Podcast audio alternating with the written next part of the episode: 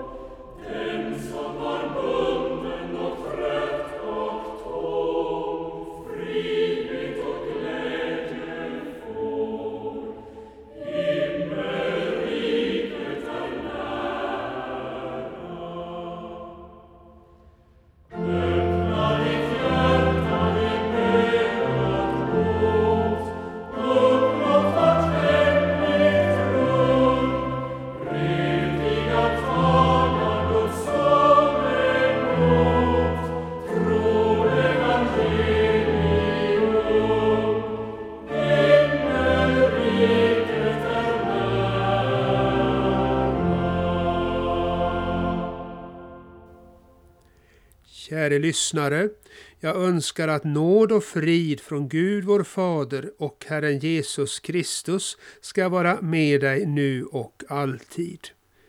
Låt oss be. O Fader vår, barmhärtig god, som oss till dig vill kalla och stänka oss med Kristi blod, som rena kan oss alla. Låt komma Gud till oss ditt ord, det heliga och klara, Låt det i mörkret på vår jord en ledare oss vara, att vi ej vilse fara. Det ber vi i Jesu vår frälsares namn. Amen. Jag ska nu läsa och sedan säga något över första årgångens evangelium på söndag, tredje i advent, nämligen Matteus 11, verserna 2 till och med 10. De heliga orden lyder så i Jesu vår frälsares namn. Johannes fick i fängelset höra talas om Kristi gärningar.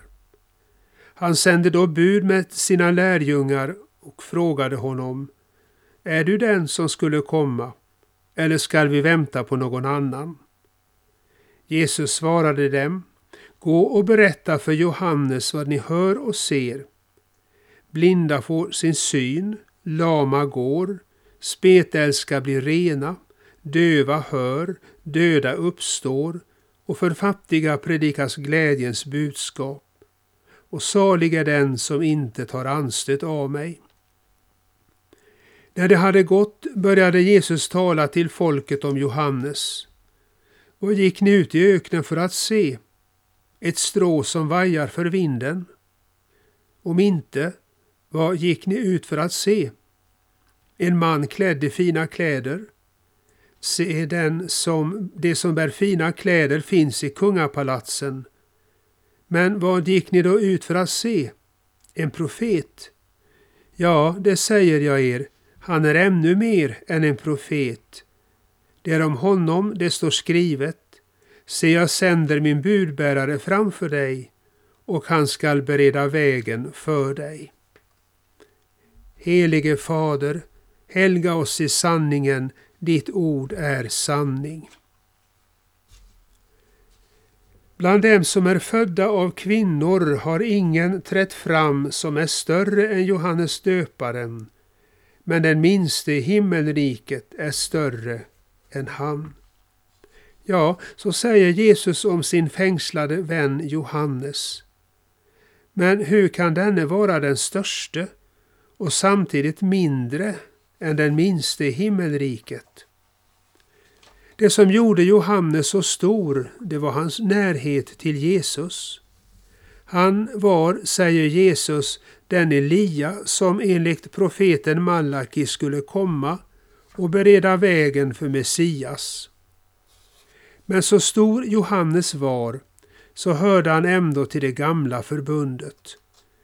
Det som Gud gör med nya förbundets folk, att han genom dopet och tron upptar dem till sina barn och ger dem medborgarskap i himmelriket. Det kunde de fromma i det gamla förbundet aldrig nå fram till annat än i hoppet. Därför var Johannes trots allt mindre än den minste i himmelriket. Man skulle kunna tro att en gudsmänniska som Johannes var fri från allt vad tvivel heter. Evangeliet visar oss en annan bild. Men vi får också se hur Jesus hjälper sin tvivlande vän till förnyad tro. Men var det verkligen Johannes som tvivlade? Var det inte för sina lärjungars skull som Johannes sände dem till Jesus och lät fråga om han var den Messias som de väntade på?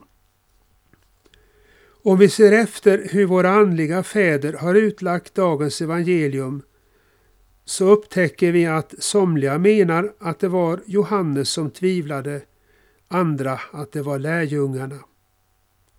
Bägge alternativen har goda skäl för sig och jag kan tänka mig att predika i enlighet med båda. Men idag väljer jag alltså att låta Johannes vara den som råkat i tvivel. Låt mig få säga något om hur Jesus hjälper sina vänner från tvivlets mörker till trons ljus. För det första, även Jesu vänner kan hamna i tvivlets mörker. Johannes döparen hade oförskräckt vittnat om sanningen, ja, så till den grad att han blivit fängslad. Men i sitt fängelse hade han hamnat i tvivlets mörker. Han hade nog väntat att Jesus skulle framträda mera som domare och rensa bort all ogudaktighet i landet. Kanske hade han också väntat att Jesus skulle befria honom. Men Johannes fick stanna i sitt fängelse och människors ogudaktiga liv bara tilltog. Då började Johannes undra om Jesus verkligen var Messias. Det, det heter ju i texten att han sände bud med sina lärjungar och frågade honom Är du den som skulle komma eller ska vi vänta på någon annan?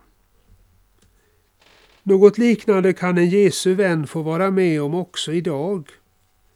Han kommer i ovisshet om ordets sanningar. Eller han börjar tvivla på att Gud vill och kan hjälpa honom. Det är mycket som kan orsaka sådana tvivel. En vanlig orsak är bristande allvar i sökandet. Om inte det andliga livet får tillräcklig näring genom bibelläsning och bön, gudstjänstbesök och nattvardsfirande. Om allt jordiskt får ta så mycket tid och kraft i anspråk att det enda nödvändiga kommer i andra hand eller kanske helt försummas. Om man dessutom medvetet gör vissa undantag för lydnaden för Guds ord. Inte är det underligt då att det blir tvivel och ovisshet om det som rör frälsningen. Till den som hamnat i tvivlets mörker och inte tycker sig ha något riktigt fäste för sin tro ska det därför sägas Pröva dig först hur det är med allvaret i ditt sökande. Kanske finner du då att det brustit mycket i detta och att det är här som du har att söka orsaken till det mörker du befinner dig i. Gör då upp med Gud om detta i bekännelse och bön om förlåtelse för, det, för Jesu dyra blods skull, det som han utgjutit också för dig. Och låt det sedan, i kraft av denna förlåtelse bli ett rätt allvar i ditt sökande. Men ibland bottnar Jesu vänners tvivel i att djävulen angriper dem, särskilt i tider av nöd. Denne fiende försökte göra det ovisst för Johannes om Jesus var Messias. Och denne Johannes mer än annars behövde trygga sig vid vissheten om detta. Så försöker djävulen också idag göra Guds nåd och Guds ord ovissa för Jesu vänner. Särskilt när de är i nöd utan att genast få hjälp. När hjälpen behövs som allra bäst och de därför mer än någonsin behövde trygga sig vid ordets löften. Då kastar djävulen in sina otrostankar i deras hjärtan. Skulle Gud ha sagt det eller det som du tryggar dig vid? Eller Guds nåd gäller inte dig som så länge och mycket gjort Gud emot. Och visar inte din nöd att Gud inte bryr sig om dig. Men Jesu vänner kan hamna i tvivlets mörker också under mera vanliga förhållanden. Till exempel när Guds andes verk ser ut att ha avstannat. Och det fastän de inte upphört med sitt sökande. När en människa just kommer till tro så upplever hon ofta Guds kärlek på ett mycket påtagligt sätt. Hon får smaka och se hur god Herren är. Men för att hon ska lära sig tro utan att se, tro Gud på hans nakna ord, tar Gud så småningom bort de ljuvliga känslorna. Men då kommer det så lätt tvivel på Guds nåd. Då kan en Jesu vän börja tro att hans frälsare övergett honom. Ja, att det kanske inte ens är lönt att längre söka efter nåd. Vad händer om en Jesu vän stannar i sina tvivel eller sin misströstan? Jo, det blir inget riktigt allvar i trons goda kamp. Allt som hör till det kristna livet blir så kraftlöst och matt. Man blir utan hållbart fäste i nöden och frestelserna och kommer förr eller senare att duka under. Därför är det så viktigt att man hos Herren söker den hjälp som Lina Sandell lärt oss be om i salmen Hjälp mig då att vila tryggt och stilla blott vid dina löften, Herre kär, och ej trones dyra tröst förspilla, som i ordet mig förvarad är. Detta leder oss över till det andra. Ska Jesu vänner få hjälp från tvivlets mörker till trons ljus, så måste hjälpen sökas hos Herren. När tvivlet gjorde det mörkt för Johannes i hans fängelsehåla så slöt han sig inte inom sig själv. Han förstod att han inte på egen hand eller efter eget huvud kunde komma till rätta med sina tvivel. Därför skickade han några av sina lärjungar till Jesus för att fråga honom Är du den som skulle komma? Eller ska vi vänta på någon annan? så får inte heller Jesu vänner idag sluta sig inom sig själva när tvivel vill göra det mörkt för dem. De får tänka, får inte tänka att de med sitt eget förnuft eller sin egen kraft kan hjälpa sig från tvivlets mörker till trons ljus. Så länge en människa inte på allvar börjat söka efter den sanna och levande tron och därför inte heller är bekymrad över otron så kan hon väl ta det lätt med tron.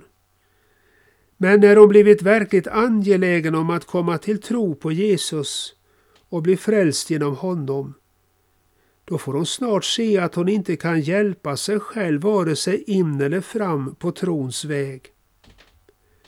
Detta behöver hon också få se så att det blir riktigt klart för henne att tron inte till någon del är hennes eget verk utan helt och hållet Guds.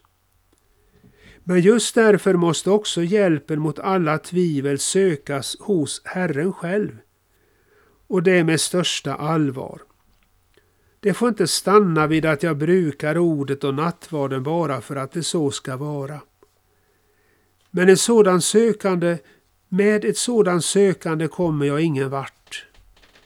När det måste vara min uppriktiga önskan och bön att jag genom mitt sökande i ordet och nattvarden verkligen kommer loss från mina tvivel och i tro kan hålla fast vid min frälsare och trygga mig vid ordets löften. Men då ska det också bli så som jag önskar och ber. Jag väntar inte förgäves efter Herren i ordet och nattvarden med bön. Mörkret ska förr eller senare ge vika för ljuset som strålar fram ur evangelium, det glada budskapet om Jesus. Så gick det för Johannes. På hans fråga till lärju genom lärjungarna, är du den som skulle komma? Eller ska vi vänta på någon annan? Svarade Jesus, gå och berätta för Johannes vad ni hör och ser. Blinda får sin syn, lama går, spetälska blir rena, döva hör, döda uppstår och för fattiga predikas glädjens budskap. Och salig är den som inte tar anstöt av mig. I detta sista låg en hälsosam varning för att stöta sig på att Jesus framträdde så oansenligt. Just en sådan varning får Herren också idag ofta ge sina i grund och botten uppriktiga men ofta så tvivlande vänner. Han får gå till rätta med dem för att de lyssnar mer på sitt eget självkloka förnuft än på vad han säger i ordet. Han får gå till rätta med dem för att de själva vill bestämma hur han ska föra sitt verk fram hos dem. Istället för att lägga hela saken i hans händer. Han får gå till rätta med dem för att de alltid vill se först och tro sedan. Istället för att nöja sig med att tro utan att se. Men Herren hjälper sina vänner från tvivlets mörker till trons ljus, framför allt genom att visa dem sin makt att hjälpa och frälsa. När denna Jesu makt som inte minst hans död för våra synders skull och hans uppståndelse för vår rättfärdiggörelses skull vittnar om när den får bli levande för en människa, då tänds det hoppet hos henne att hon ska få den hjälp hon behöver, bara hon inte släpper Herren utan håller ut i sitt sökande. Och mitt under det att hon går där bekymrad över att det rör sig så många tvivel hos henne så kan hon där hon sitter vid sin bibel eller lyssnar till ordets predikan eller delar sin nöd med någon Herrens vän få ett ord som hon förstår är Herrens svar på hennes frågor och den hjälp som hon behöver i sin nöd. Svårigheterna löser sig Ordets löften öppnar sig för henne.